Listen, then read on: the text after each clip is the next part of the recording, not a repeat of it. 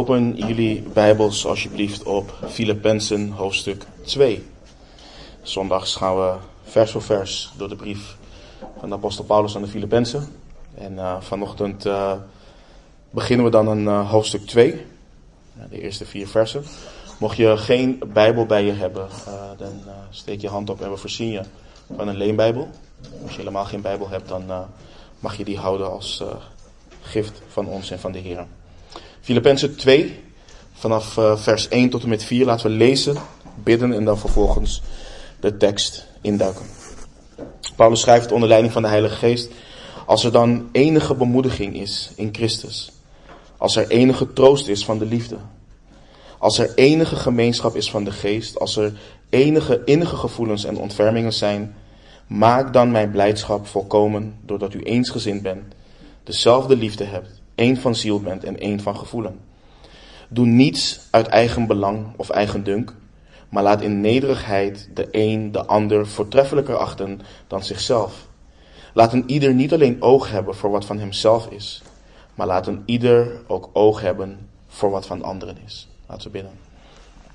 Vader, we danken u Heer dat uw woord goed is, dat uw woord heilig is en dat u ons heiligt door uw woord, want uw woord is de waarheid Heer. Ik bid ook, Heer, dat wat we hier zojuist hebben gelezen en wat we gaan behandelen, Heer, dat dit ja, bewerkstelligd mag worden in onze harten, Heer. Dat we meer gevormd worden naar het evenbeeld van onze Heer Jezus Christus. Maar ook dat de eensgezindheid als broeders en zusters mag toenemen, Heer. Vader, we houden van u, we danken u en we vragen dit in de naam van onze Heer Jezus Christus. Amen.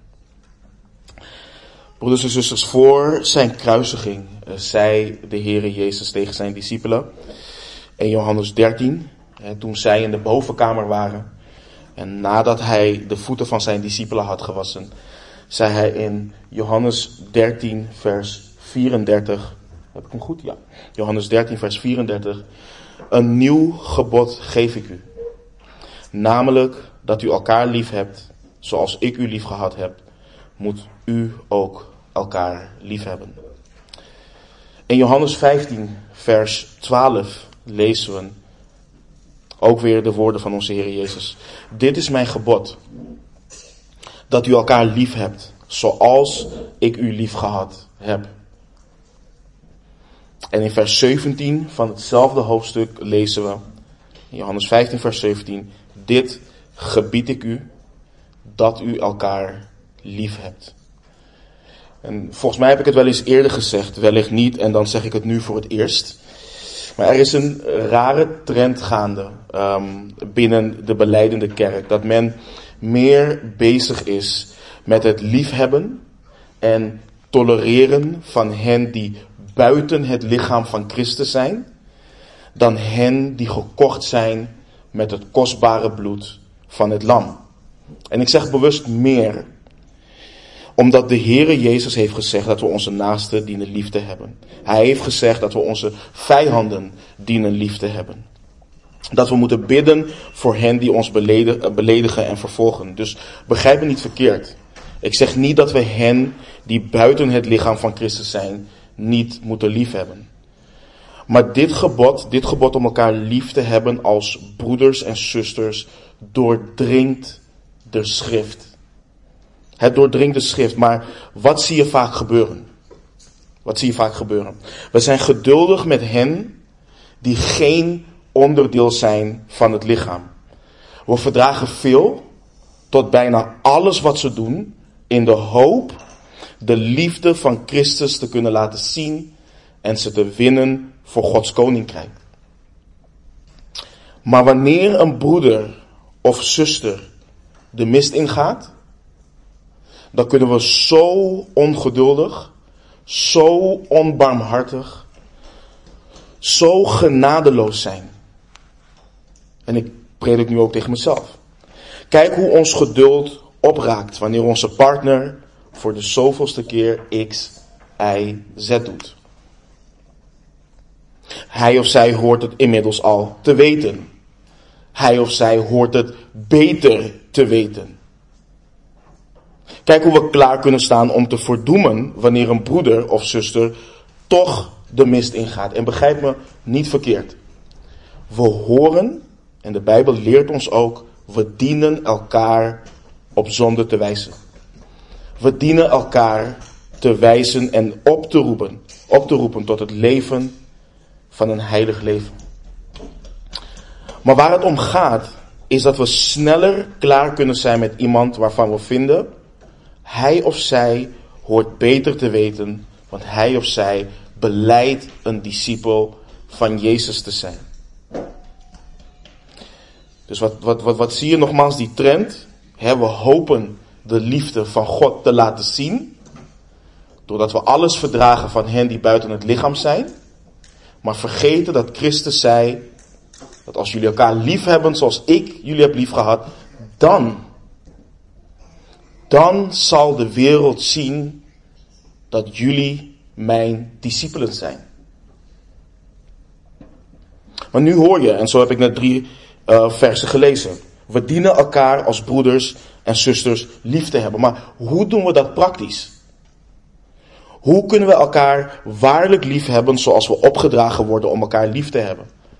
En door de pen van de apostel Paulus maakt de Heilige Geest het in de context van de brief aan de Filippenzen duidelijk aan ons. In onze introductie van deze brief hebben we stilgestaan bij het feit dat als we met een oprecht hart en met het hartsverlangen deze brief induiken, God in ons gaat bewerkstelligen, dat we zullen groeien in liefde voor Hem en voor elkaar. In nederigheid en onder andere in eensgezindheid. En mijn gebed is dat God dat echt bij ons zal doen als gemeente. En we zijn nu inmiddels in hoofdstuk 2 en Paulus heeft al een hoop uiteengezet. En vanaf vers 27 van hoofdstuk 1 is Paulus met een nieuw gedeelte in de brief begonnen wat doordringt is met het thema van onderlinge liefde en eensgezindheid. Laten we vers 27 van hoofdstuk 1 weer lezen. Dus Paulus geeft de opdracht. Alleen wandel het evangelie van Christus waardig, opdat ik, of ik nu kom en u zie, of dat ik afwezig ben, van uw zaken mag horen dat u vaststaat in één geest en dat u samen eensgezind strijdt door het geloof in het evangelie. Dus Paulus heeft tot dat punt heeft hij opgebouwd en heeft hij laten zien hoeveel hij van hen hield. Met de innige gevoelens van Jezus Christus. Dan krijgen ze de opdracht, wandel het evangelie van Christus waardig. En nogmaals, dus de oproep om het evangelie van Christus waardig te wandelen is een introductie naar wat we vanochtend hebben gelezen.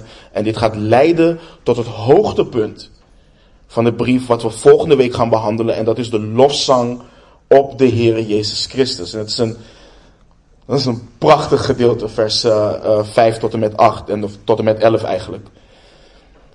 Maar voor zover we kunnen lezen uh, in de brief, is de gemeente in Filippi een goede gemeente. Het is geen perfecte gemeente, want die bestaat niet.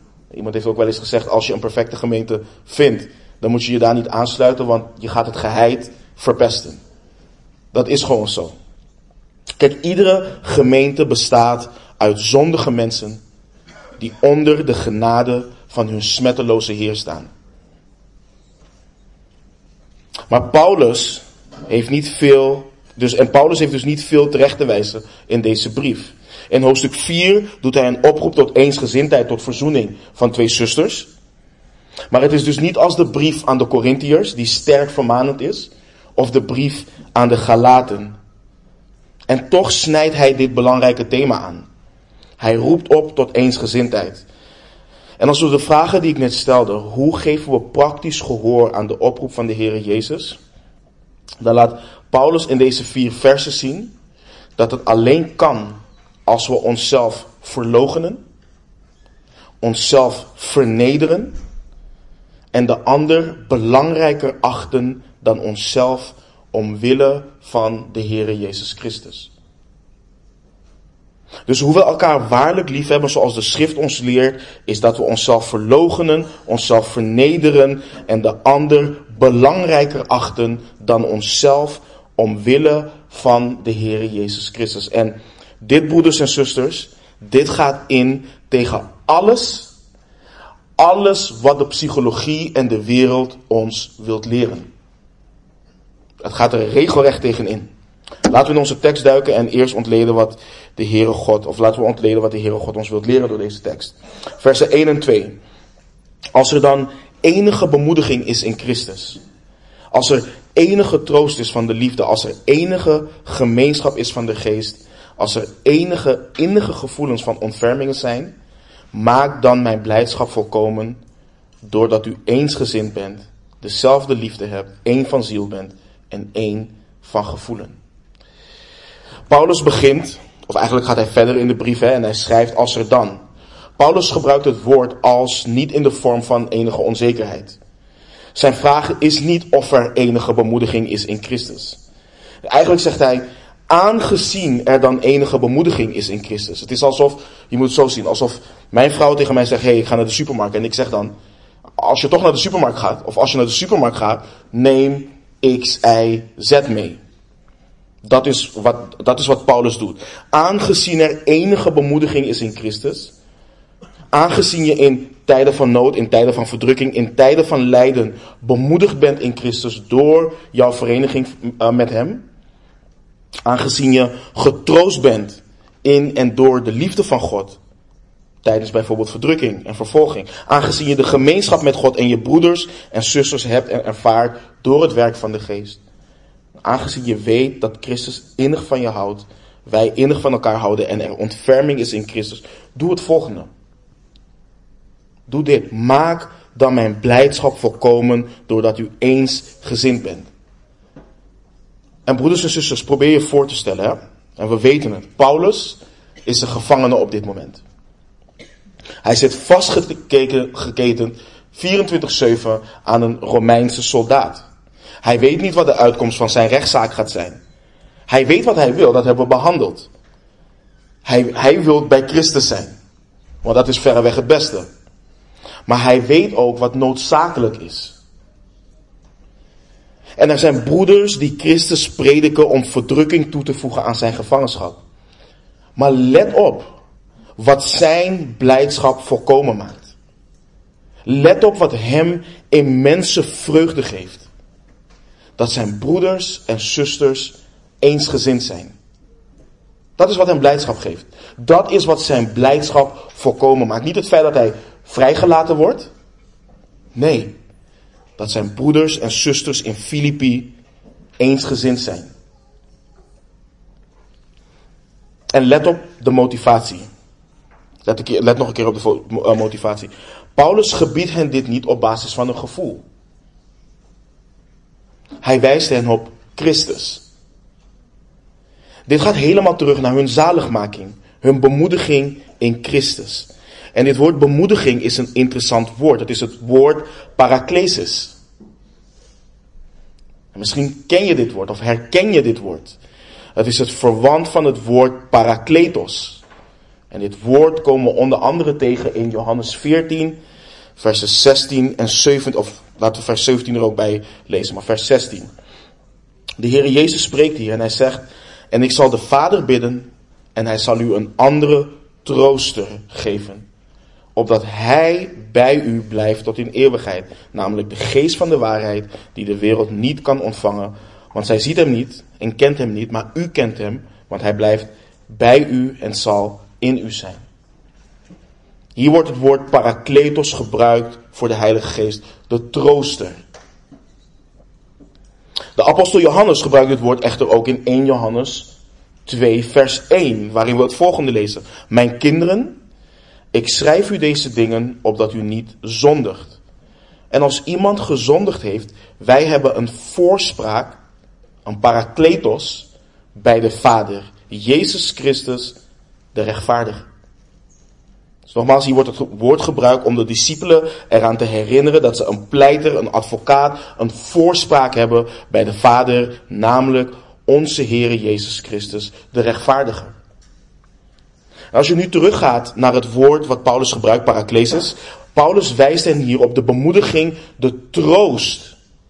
De voorspraak die zij hebben gevonden in de Heere Jezus Christus. En kun je je voorstellen, kijk, je hebt een conflict onderling binnen het lichaam van Christus. En dan word je gewezen op de troost die er is in Christus. de bemoediging. En waarom? Want waar gaan we iedere keer terug naartoe? Jij zelf was een vijand van God. Gods toorn hing boven je. Maar in Christus heb je troost gevonden. In en door Christus ben je verzoend met God. Hij heeft geleden aan het kruis, zijn lichaam gegeven, zijn bloed vergoten. Hij heeft het kruis verdragen. Hij heeft de schande veracht. Onze ziekte heeft hij op zich genomen. Onze smarten heeft hij gedragen. Hij heeft zijn lichaam gegeven. En om onze overtredingen is hij verwond. Om onze ongerechtigheden is hij verbrijzeld. Het heeft de Vader behaagd om hem te verbrijzelen. De straf die ons de vrede aanbrengt, was op hem. En we dwaalden allen als schapen. We keerden ons ieder naar zijn eigen weg. Maar de Heere heeft de ongerechtigheid van ons allen op Christus doen neerkomen. Door zijn striemen is er genezing gekomen. En toen betaling geëist werd, werd hij verdrukt. Als een lam werd hij ter slachting geleid. En in en door hem zijn wij gerechtvaardigd uit het geloof. We hebben vrede bij God door onze Heer Jezus Christus. In en, door het geloof, in en door het geloof in de Zoon hebben we eeuwig leven. Maar we weten dat Paulus schrijft in Efeze 2 dat we dit niet verdienen. Dat het puur en pure genade is. En daarom is het zo dat wanneer er conflicten zijn in de gemeente, dat we niet op psychologische wijze moeten gaan kijken, oké, hoe gaan we dit oplossen? Dat we niet op menselijke wijze gaan kijken, hoe gaan we dit oplossen? Maar dat we kijken naar de bemoediging die we in Christus hebben gevonden. De troost die we in Hem hebben gevonden. En als je je dan bedenkt dat dit kwam door de zelfopofferende liefde van Christus, dan ga je beseffen dat de liefde van Christus jouw troost is. Het is onze troost. Weet je, heel vaak kunnen we, ik weet niet van jullie, maar het is soms moeilijk hè, voor te stellen wat het betekent dat God in eeuwigheid zijn toorn over de goddeloos gaat gieten. Je kunt er met je verstand gewoon niet bij. Want op aarde kun je dat, je kunt er niks mee vergelijken. Dit is bovennatuurlijk. En daarom moeten we God ook vragen en om, om ons te openbaren hoe groot dit werk en het offer is van de Heer Jezus Christus. Hoe groot die bemoediging is in Hem. En dat je dan kan zien, dit is echt een troost. Want ik was een vijand van God. En als je dan denkt aan de gemeenschap van de geest, deelgenoten van de geest. Door één geest tot één lichaam gedoopt. Allen van één geest doordrenkt. En Paulus, hij bouwt het zo prachtig op. Hij heeft de Filippenzen helemaal teruggebracht naar de genade gevonden in Christus. Het bovennatuurlijke eh, werk van Christus, waardoor zij verlost zijn. Ze hadden allemaal individueel bemoediging en troost in Christus ervaren. En hij herinnert hen aan de troost van Christus, zijn liefde toen ze de zijne werden. Hij herinnert hen dat zij door Christus gemeenschap hebben in de geest en aan de innige gevoelens en ontfermingen van Christus. En dat moet altijd de basis zijn. En Paulus zegt, dat moet niet alleen een individuele uitwerking hebben, dit moet doorvloeien naar anderen. En dit gaat in tegen die individuele gedachten die wij hebben. We zien elkaar wel en zeggen, ik sta onder de genade van Christus. Hij of zij staat onder de genade van Christus. Maar beseffen we ook die, die, dat, die innige band die we hebben door de geest en het bloed wat ons verenigt en ons tot één lichaam maakt. Dus het gaat niet alleen om ons als individuen. En met dit alles wat moet doorstromen naar de broeders en zusters met dit. Alles op hun netvlies wil de apostel Paulus dat ze gehoor geven aan zijn oproep om eensgezind te zijn. Dit is nodig. Willen ze het evangelie van Christus waardig wandelen? Soms, weet je, als je kijkt naar alle initiatieven die er tegenwoordig zijn, die gebaseerd zijn op menselijke strategieën en ideeën, denken mensen dat met die dingen ze het evangelie van Christus waardig wandelen. Iedereen wil zelf verzinnen, hoe ze het evangelie van Christus waardig wandelen. Maar het staat er gewoon. Het staat gewoon in de schrift. En een dominant thema daarin is, is de onderlinge liefde die wij hebben als broeders en zusters. Dus Paulus zegt dat ze eensgezind moeten zijn. Maar wat bedoelt Paulus met eensgezind? Paulus bedoelt hiermee in het Grieks één van denken. En waarna wordt verwezen, of wat hier wordt geschetst, is dezelfde levensintentie hebben. Hetzelfde doel hebben in het leven. Verenigd zijn in enkel één doel, en dat doel is Christus en zijn evangelie. Dit is niet wat de ecumenische mensen proberen te doen. Laten we onze verschillen opzij zetten en dan eensgezind zijn. Dat is niet wat hier staat. Wat hier staat is wat ik net zei, hetzelfde doel, Christus, zoals geopenbaard in de schrift, en zijn evangelie. Puur en zuiver zoals het staat. Paulus schreef ook in hoofdstuk 1, vers 27, wat we net hebben gelezen, dat ze eensgezind dienen te strijden. En hoe? Door het geloof in het evangelie.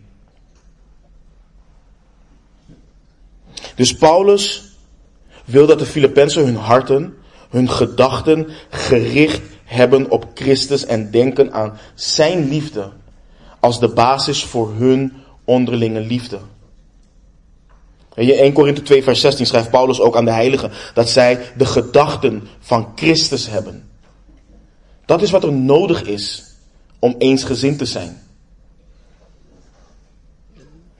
Ik zei net al, kijk, als je kijkt hè, naar, de, naar wat de wereld, de psychologie probeert te bieden om mensen met elkaar te verenigen en al deze dingen, al deze methoden sluipen de kerk in. Terwijl de schrift zo prachtig uiteenzet als discipelen waarlijk eensgezind willen zijn, dan dienen ze hun gedachten te richten op het ware evangelie van Christus. Als discipelen van Jezus echt het evangelie van Christus waardig willen wandelen, dienen ze één van denken te zijn wat betreft het evangelie van de Heer Jezus Christus. Paulus schrijft dat ze dezelfde liefde moeten hebben. En dan komt het bekende woord wat we kennen, dat woord agape, komt weer hier voorbij. Die zelfopofferende, onophoudelijke en onvoorwaardelijke liefde van God. Gedemonstreerd in het offer van de Heere Jezus Christus. Dat is de liefde die, die ze dienen te hebben. Deze liefde, daaraan herinnerd worden, daarin staan, dat produceert ware eensgezindheid. Want het is een liefde die haar eigen rechten, haar eigen wil opgeeft omwille van anderen. Gaan we volgende week zien in lofzang op onze Heer Jezus Christus. Het zoekt het hoogste goed van degene die de liefde ontvangt. Dus ze dienen dezelfde liefde te hebben. Hij schrijft ook dat ze één van ziel moeten zijn. En dit is waar de crux zit voor velen. Velen hameren op eensgezindheid. Maar dit wat Paulus hier schrijft is essentieel. Kijk, ware eenheid is niet iets wat je kunt organiseren. Je hebt, je hebt initiatieven waar mannen met elkaar bossen ingaan. Um, hoe noem je dat? Uh, berg gaan beklimmen en al dat soort dingen om eensgezindheid te produceren. Gaat niet werken. Het gaat niet werken. Je kunt dit niet faken. Je kunt dit niet organiseren. Het zit hem ook niet in de dingen die je ziet aan de oppervlakte. En laten we, voorop, eh, laten we vooropstellen dat eensgezindheid te zien is. Je ziet het. Maar wat Paulus hiermee bedoelt is dat het een kwestie van het hart is. Dit kan er niet in gepusht worden door mensen. Dit komt letterlijk door de vereniging met en in Christus en is daarom in mijn hart, diep in mijn binnenste, een wil wat komt vanuit God om één te zijn met hen die ook van Christus zijn. Om één te zijn met hen die Christus kennen en ten diepste willen kennen. En dit is dus waar de crux zit voor velen. Want dan komt het op, ben ik waarlijk geboren uit God? Daar komt het op neer. Want zij die waarlijk geboren zijn uit God, die verlangen naar God, maar die verlangen ook naar die fellowship, naar die gemeenschap met hen die uit God geboren zijn. We kunnen allemaal dingen doen. We kunnen hier mensen aan een groepje, aan een tafel zetten. Praat met elkaar, leer elkaar kennen, al dat soort dingen. Maar als je niet geboren bent uit God, dan ga je het ook niet willen hebben over de dingen aangaande God en Christus. Je wil dat niet. Dan blijft het aan de oppervlakte. Dan gaan we het hebben over het weer en al dat soort dingen. Waar helemaal niets mis, mis mee is. Maar dat is dan het belangrijkste voor ons. Terwijl wanneer je uit Christus geboren bent, dan wil je het hebben over het evangelie. Over de genade waarin we staan. En hoe kunnen we die genade geven aan mensen? En hoe kunnen we elkaar aansporen om een heilig leven te leven? Dus één van ziel. En vervolgens schrijft Paulus ook één van gevoelens aan de Filippenzen. In het Grieks komt dit alleen hier in onze tekst voor. En dit hinkt niet naar ons gevoel, maar het refereert naar onze identiteit en onze gedachten voortvloeiend uit onze identiteit. Dit wat Paulus hier schrijft, refereert naar mensen die dezelfde identiteit hebben, omdat ze samen in en van Christus zijn. Dus wat zie je dat Paulus continu doet? En dat, is, dat, dat vind ik zo prachtig. Wat zie je dat hij doet? Wat is het fundament voor eensgezindheid? Keer op keer wijst Paulus de, de Filippenzen op Christus en zijn evangelie. Er is namelijk niets anders, niets anders wat ervoor gaat zorgen dat mensen eensgezind zijn, dezelfde liefde hebben, één van ziel zijn en één van gevoelens. Hebben jullie wel eens verteld dat kerken letterlijk scheuringen hebben gehad, omdat men het niet eens werd over de kleur van het tapijt in het gebouw? En je kunt daaraan denken, maar hoe dan? Hoe kan dit gebeuren als we een kerk van Christus zijn? Maar het is echt zo. Kijk, als mensen hun ogen, hun gedachten, hun hart afhalen van Christus en zijn evangelie, dan duurt het niet lang voordat het vlees en de vijand kunnen gaan regeren om letterlijk alles, maar dan ook alles kapot te maken.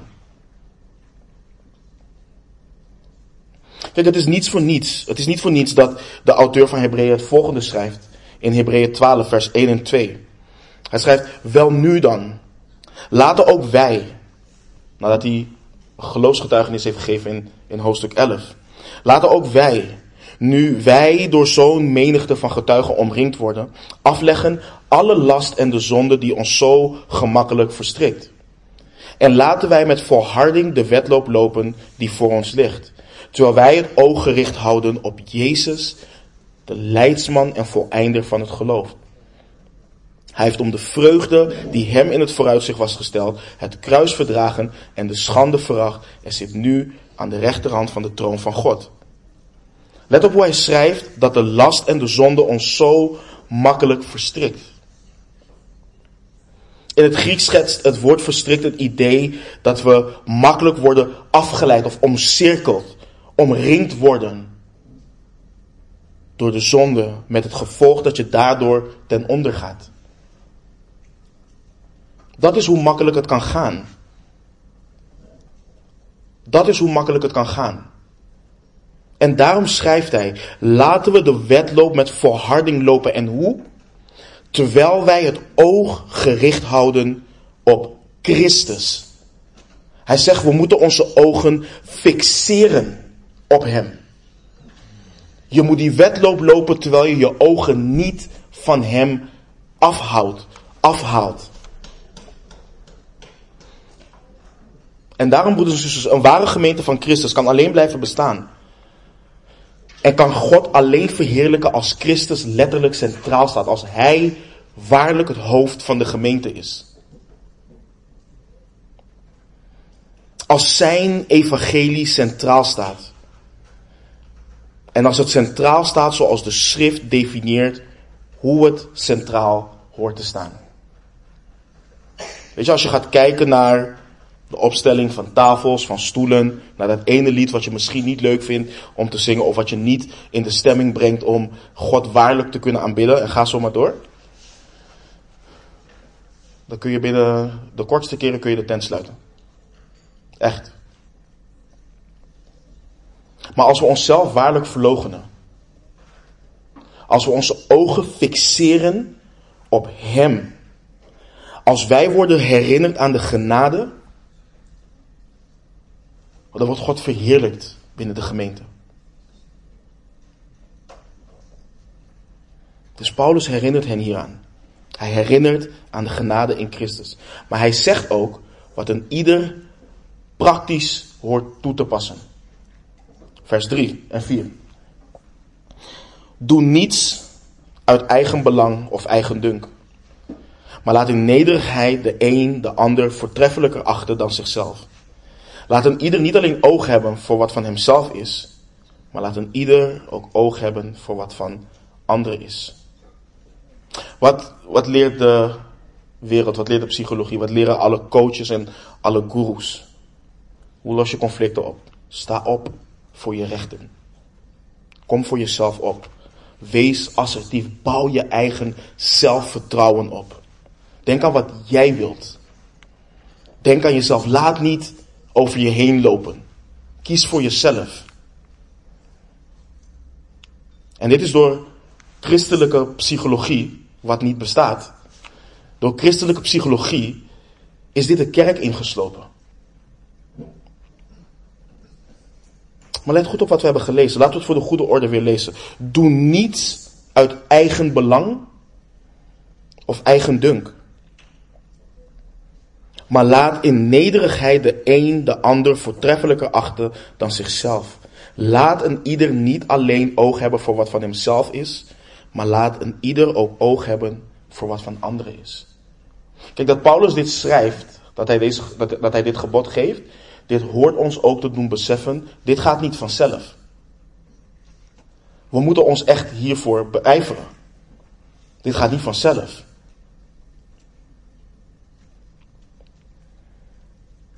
In ons vlees kijken we heel makkelijk naar, hebben we oog voor wat van onszelf is.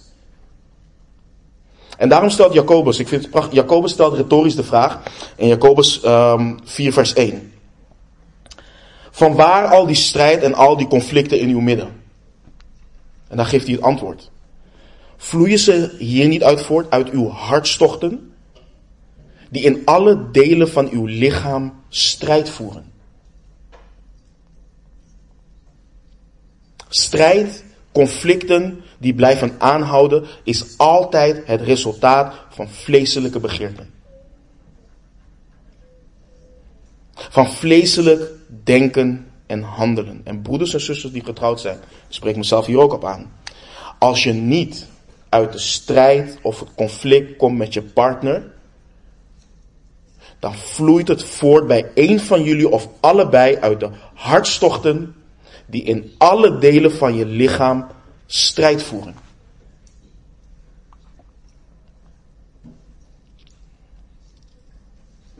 Dan zijn we ongehoorzaam aan wat er in vers 3 of 4 staat. En dat is wat anders dan het is zijn schuld of, schuld of het is haar schuld.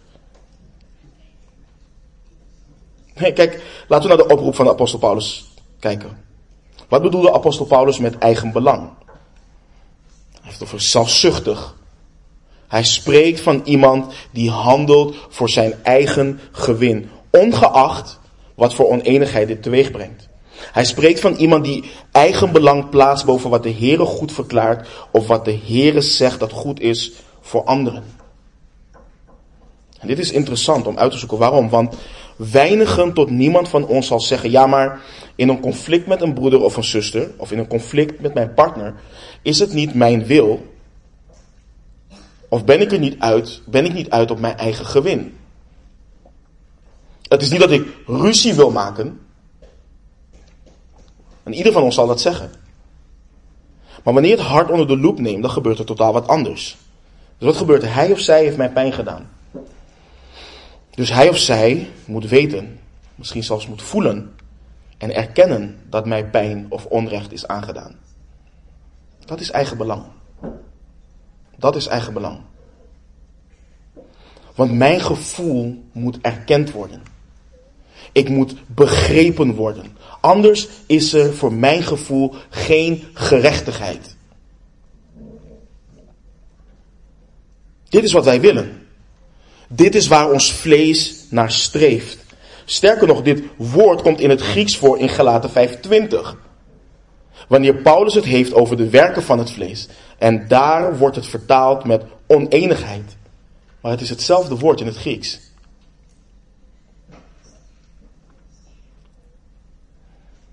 In ons vlees denken we allemaal onszelf. En Paulus schrijft dat er alleen ware eensgezindheid kan zijn als broeders en zusters in relatie met elkaar niet voor hun eigen gewin gaan. Dat ze niet streven naar hun eigen belang. Ze moeten niet bezig zijn met hun eigen ambities, met hun eigen agenda. Denk bijvoorbeeld aan hen waar Paulus het over had in hoofdstuk 1. Zij die Christus prediken om verdrukking toe te voegen aan zijn gevangenschap. Die doen het uit eigen belang. Eigen ambitie.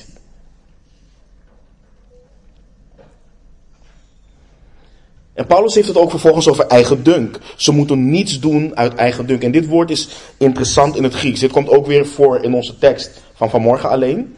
Hij heeft het over ijdelheid, over pronkzucht, over opschepperij. En dit woord omschrijft een staat van trots of hoogmoed, wat totaal geen basis of rechtvaardiging kent. Dus je hebt eigenlijk nergens om in te roemen. Van zo'n persoon spreekt Paulus. Je doet wel uit de hoogte, maar er is geen enkele basis om je zo te gedragen. Iemand die zichzelf belangrijk vindt en daar ook nog eens trots op is. Het betekent letterlijk goedkope trots. Dus Paulus schrijft: Doe niets uit eigen belang of eigen dunk, maar acht de ander voortreffelijker dan jezelf. Het woord voortreffelijker is een interessant woord. Hij schrijft dat je de ander dus belangrijker dan jezelf moet vinden. Je moet die persoon prominenter dan jezelf vinden. Boven jezelf houden. Hij zegt, laat die persoon boven jezelf uitzeggen. En dit is interessant, want dit, en dit is zo belangrijk ook voor, voor ons allemaal. Dit geldt ook voor leiders in de kerk. Vergeet niet, herinner. Paulus schrijft dit, toen we in hoofdstuk 1 begonnen, aan de heiligen in Filippi. Met de opzieners en diakenen. Dit gebod geldt ook voor de, voor de opzieners. Het geldt ook voor de leiders. Een leider die heerst in de gemeente of die zichzelf belangrijk vindt, in de gemeente omdat hij opziener is, die heeft dit vers niet begrepen. Misschien is hij per ongeluk vergeten te lezen. Maar het staat er. En het geldt voor leiders ook. Maar waar gaat dit tegen? Welke gedachte tackelt dit wat Paulus schrijft? Kijk, bij iedere discipel, en wanneer we in conflict zijn, kan deze gedachte ontstaan. Wie denk jij wel niet dat je bent? Wie denk jij wel niet dat je bent?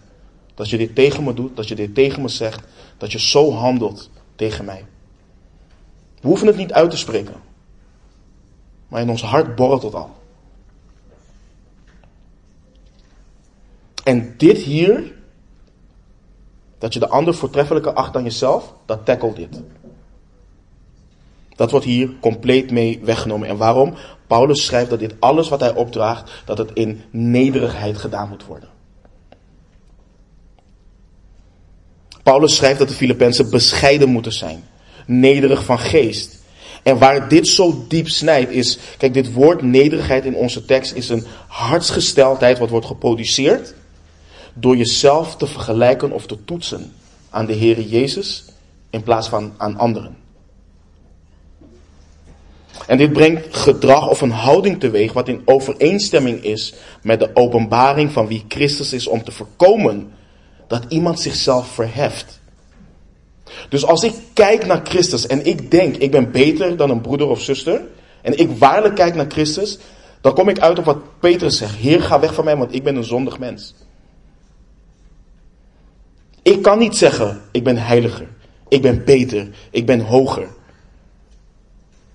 Nee, want Christus is Heer over allen. Over ons allen. En wij zijn allen schapen.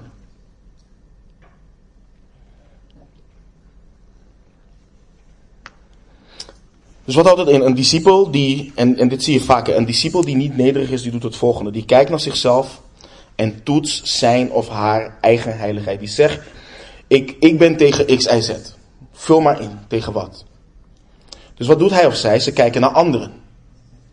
Ze kijken naar anderen. En wat zij vinden dat ze goed doen en de ander niet goed doet in hun ogen, dat geeft hun een verheven gevoel. En begrijp me niet verkeerd, wanneer je ziet dat je in gehoorzaamheid iets doet wat in overeenstemming is met de wil van de Heer, en je ziet dat een broeder of zuster niet zo wandelt, houdt het niet in dat je een broeder of zuster daarop niet kunt aanspreken. Sterker nog, we dienen dat te doen. Maar waar het hier om gaat is het hart. Je toetst je eigen heiligheid niet aan de anderen. En je toetst de heiligheid van anderen ook niet aan jezelf. Je toetst het aan de Heere Jezus Christus, want alleen Hij is volmaakt. En het geeft ons dan ook geen ruimte om te roemen. Want we staan allemaal onder dezelfde genade. We staan allemaal onder dezelfde barmhartigheid. We staan allemaal onder hetzelfde geduld van de Heer. En nogmaals, het betekent niet dat we ons niet moeten bekeren wanneer iemand ons oproept tot bekering. Maar zoals God geduld met jou heeft gehad, heeft God ook geduld met de broeder of zuster naast jou. En dat vinden wij moeilijk. Want vaak vergeten wij de periode van geduld wat God met ons heeft gehad. Wij hebben ons bekeerd van die ene zonde. En zien een broeder of zuster dat doen en gaan er volop. Maar vergeten zelf dat wij gereinigd zijn door de Heer en dat God ook geduld met ons heeft gehad. Dus we toetsen dat aan de Heer Jezus Christus, want alleen Hij is volmaakt. Nederigheid. Nederigheid is een kenmerk, een belangrijk kenmerk van een wedergeboren discipel van de Heer Jezus. Weet je, je kunt de schrift citeren wat je wilt. Je kunt naar iedere samenkomst komen. Je kunt je uit het naadwerken in de samenkomst in alles. Welke bediening je dan ook hebt. Vaak kijk je gewoon naar nederigheid. Heeft iemand een ontvankelijk hart? Kan iemand vermaning of terechtwijzing aannemen?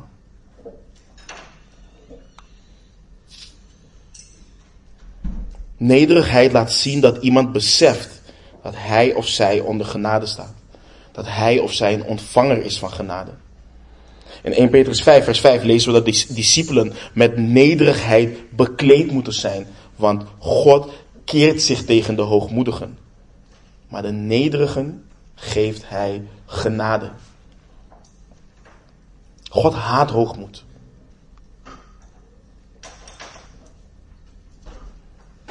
Broeders en zusters, als we maar eens beseffen hoe hoogmoed in onze harten wilt regeren.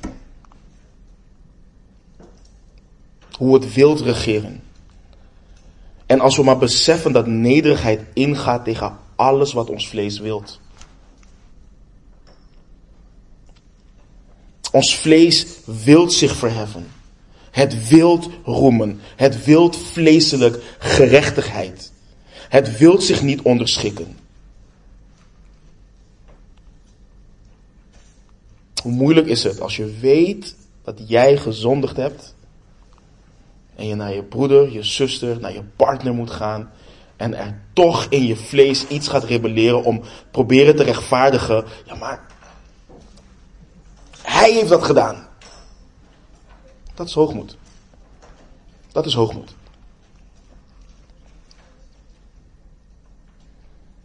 En het is de hoogmoed wat meer dan genoeg kerken kapot heeft gemaakt.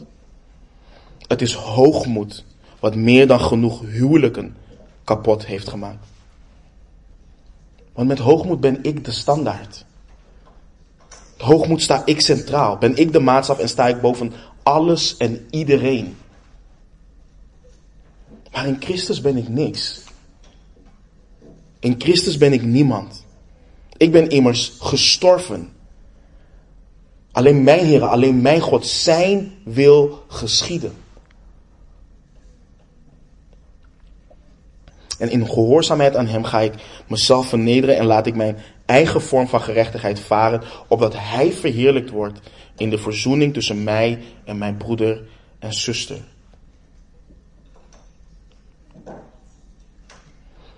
In gehoorzaamheid aan Hem ga ik naar mijn broeder of zuster toe en beleid ik mijn zonde en vraag ik om, vergeving, opdat Hij verheerlijkt wordt. In gehoorzaamheid aan Hem ga ik naar mijn partner toe en verneder ik mezelf en geef ik toe dat ik heb gezondigd, opdat Hij verheerlijkt wordt. En dat is, kijk, we zeggen het vaker ook. De enige reden waarom jij als discipel nog zuurstof hebt in je longen, is om God te verheerlijken. Dat is waarom je hier op aarde bent. Dat is waarom je er nog bent. Om Hem te verheerlijken in alles wat je doet. Dus ook in onze onderlinge relaties. Dus, doe niets uit eigen belang of eigen dunk, maar laat in nederigheid de een de ander voortreffelijker achter dan zichzelf. Laat een ieder niet alleen oog hebben voor wat van hemzelf is, maar laat een ieder ook oog hebben voor wat van anderen is. Paulus doet iets grappigs hier, want hij weet dat mensen van nature oog hebben voor wat van henzelf is. En Paulus richt hen op het feit dat ze niet alleen moeten denken aan wat van hunzelf is. Een discipel van de Heere Jezus hoort niet zijn eigen belang voorop te zetten, maar juist kijken naar wat is het belang van mijn broeder of zuster.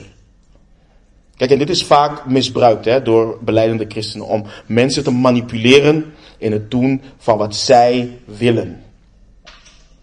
Maar dit vers drijft niet daartoe. Dit vers drijft niet tot manipulatie, maar juist tot het zoeken wat het hoogste goed is voor de ander. En wanneer dit vers gebruikt om tegen mensen te zeggen dat ze in jouw belang moeten denken of oog moeten hebben voor wat jij wil, dan heb je dit vers dus niet begrepen.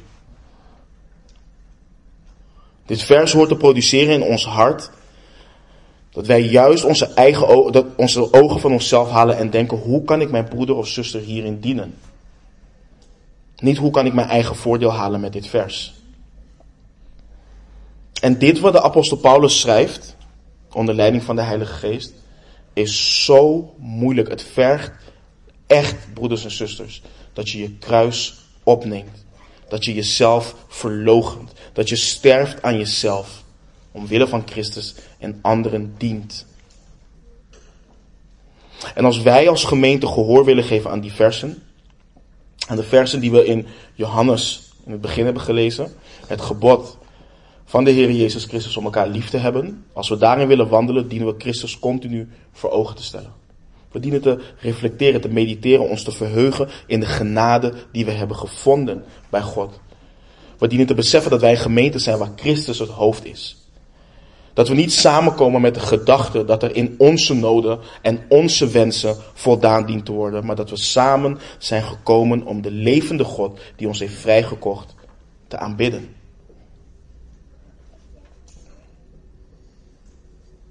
Broeders en zusters, we dienen voor ogen te houden dat we beiden gevallen mensen zijn. Dat geen van ons hoger is dan de ander, maar dat we één zijn in Christus. Dat we beiden dezelfde Heer dienen. Hetzelfde geloof hebben, dezelfde hoop hebben. Dat we gedoopt zijn door dezelfde geest in één lichaam. Dat we hetzelfde evangelie dienen en dat het niet om ons draait. En laat me de realiteit schetsen. We zullen elkaar teleurstellen. We zullen dat doen. We zullen zondigen tegen elkaar. Het gaat gebeuren. We willen het niet, maar het zal gebeuren. Het zal voorkomen dat we tegenover elkaar komen te staan en dat in ons vlees regeert dat we ons gelijk willen halen. Maar de vraag is dan, herinneren we ons deze woorden? Richten we onze ogen op de leidsman en voleinder van ons geloof? Dit is waar de Corinthiërs in faalden. Kijk, we kunnen gaan voor ons eigen gewin, maar dan verliezen we allebei. En dat is wat Paulus duidelijk probeerde te maken. Ze hadden oneenigheid met elkaar in 1 Korinthe 6. En wat deden ze? Ze sleepten elkaar voor de rechter. Paulus schrijft, Integendeel. De ene broeder spant tegen de andere broeder een rechtszaak aan. En dat voor ongelovigen. Dan is er al volledig sprake van, sprake van verlies onder u. Dat u onder elkaar rechtszaken hebt. Waarom leidt u niet liever onrecht? Waarom laat u zich niet liever benadelen? Kun je je voorstellen wat er in je gebeurt wanneer je dat hoort? Laat je benadelen. Wanneer we erop uit zijn om te winnen ten koste van een broeder of zuster, dan is er sprake van volledig verlies onder ons. Niemand wint. En laat dit niet het geval zijn onder ons als gemeente. Laat het zijn dat hier de liefde van Christus regeert. Dat we elkaar vergeven zoals God ons in Christus heeft vergeven. Ja, laat het zo zijn dat als iemand tot enige overtreding is gekomen, dat we elkaar weer terechtbrengen. Laat het zo zijn. Absoluut. Want zonde zal hier niet regeren. Maar laat het zo zijn dat we het doen in nederigheid, opdat Christus verheerlijkt wordt. In de geest van zachtmoedigheid. Paulus schreef, en dat sluit zo goed aan op wat we vanmorgen hebben behandeld, dat de liefde niet pronkt. In 1 Korinthe 13. De liefde pronkt niet. De liefde doet niet gewichtig. De liefde handelt niet ongepast. Ze zoekt niet haar eigen belang. Hij schreef dat de liefde alle dingen bedekt. Zij verdraagt alle dingen. Alle betekent in het Grieks gewoon alle. En broeders en zusters, laten we ons boven alles bekleden met de liefde, die de band van de volmaaktheid is. Laten we de vrede van God in onze harten laten regeren. Laten we elkaar verdragen en elkaar vergeven. En als een van ons een klacht tegen de ander heeft, zoals Christus u heeft vergeven, zo moet u ook doen. En tegen hen, en we weten dat Paulus dit schrijft in de context van de gemeente.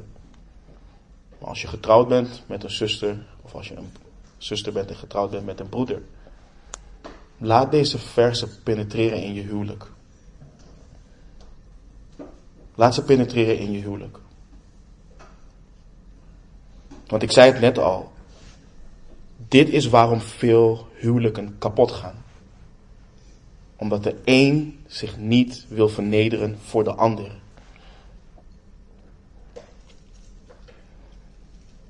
Als je weet hoe mensen bij mediators, bij advocaten zitten. En het enige wat er gebeurt is dat ze met de vinger naar elkaar wijzen.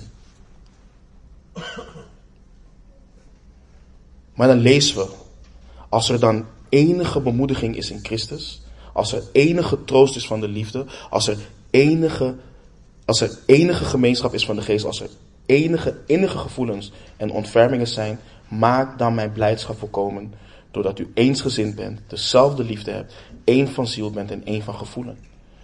Doe niets uit eigen belang of eigen dunk, maar laat in nederigheid de een de ander voortreffelijker achter dan zichzelf. Laat een ieder niet alleen oog hebben voor wat van hemzelf is, maar laat een ieder ook oog hebben voor wat van anderen is. Laten we bidden. Vader,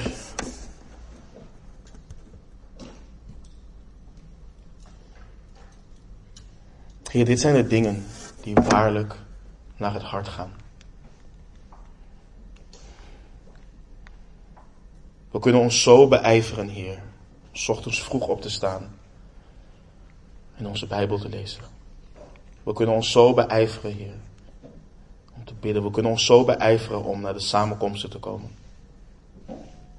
En Heer, al die dingen, al die dingen kunnen we doen met een onverschillig hart. En het kan zomaar zo zijn dat niemand het merkt, behalve u, Heer, want u ziet alles. Maar Heer, dit wat we hier vandaag lezen, dit gaat naar het hart, Heer. En daarom hebben we het zo nodig dat u ons snoeit. Dat u ons heiligt. Dat u openbaart, Heer, wat er in ons vlees wilt regeren en wellicht al regeert. En Vader, dat onze ogen gericht worden op onze Heer Jezus Christus. Opdat we berouw krijgen van de zonde die we wellicht hebben laten regeren in ons hart.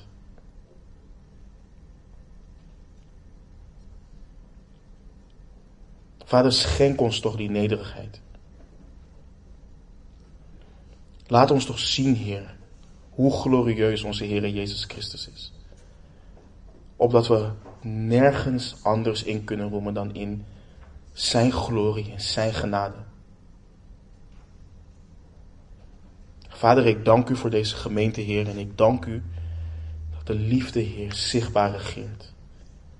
Mijn gebed is, Heer, ik weet dat het ook het gebed is van mijn broeders en zusters, dat die liefde meer en meer mag gaan regeren. Laat er geen ruimte zijn voor ons vlees, laat er geen ruimte zijn voor de vijand. Laat een ieder van ons in waakzaamheid wandelen, Heer. En herinnerd worden aan de zelfopofferende en onophoudelijke liefde die u toont aan ons in onze Heer Jezus Christus. Vader, ik draag de huwelijken aan u op. En ik bid dat dit ook mag regeren, Heer. Ons als mannen en als vrouwen. Opdat de wereld mag zien, Heer. Met het oog op Christus en de gemeente. Waarom u het huwelijk hebt ingesteld en dat u verheerlijk daarin wordt, Heer.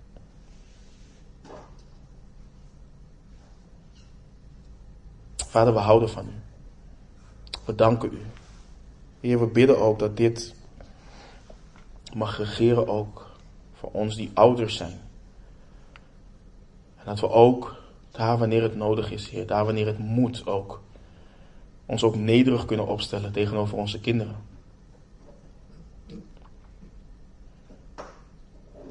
En waarin we blijven kijken, Heer, naar wat u hebt gezegd en naar wat u wilt.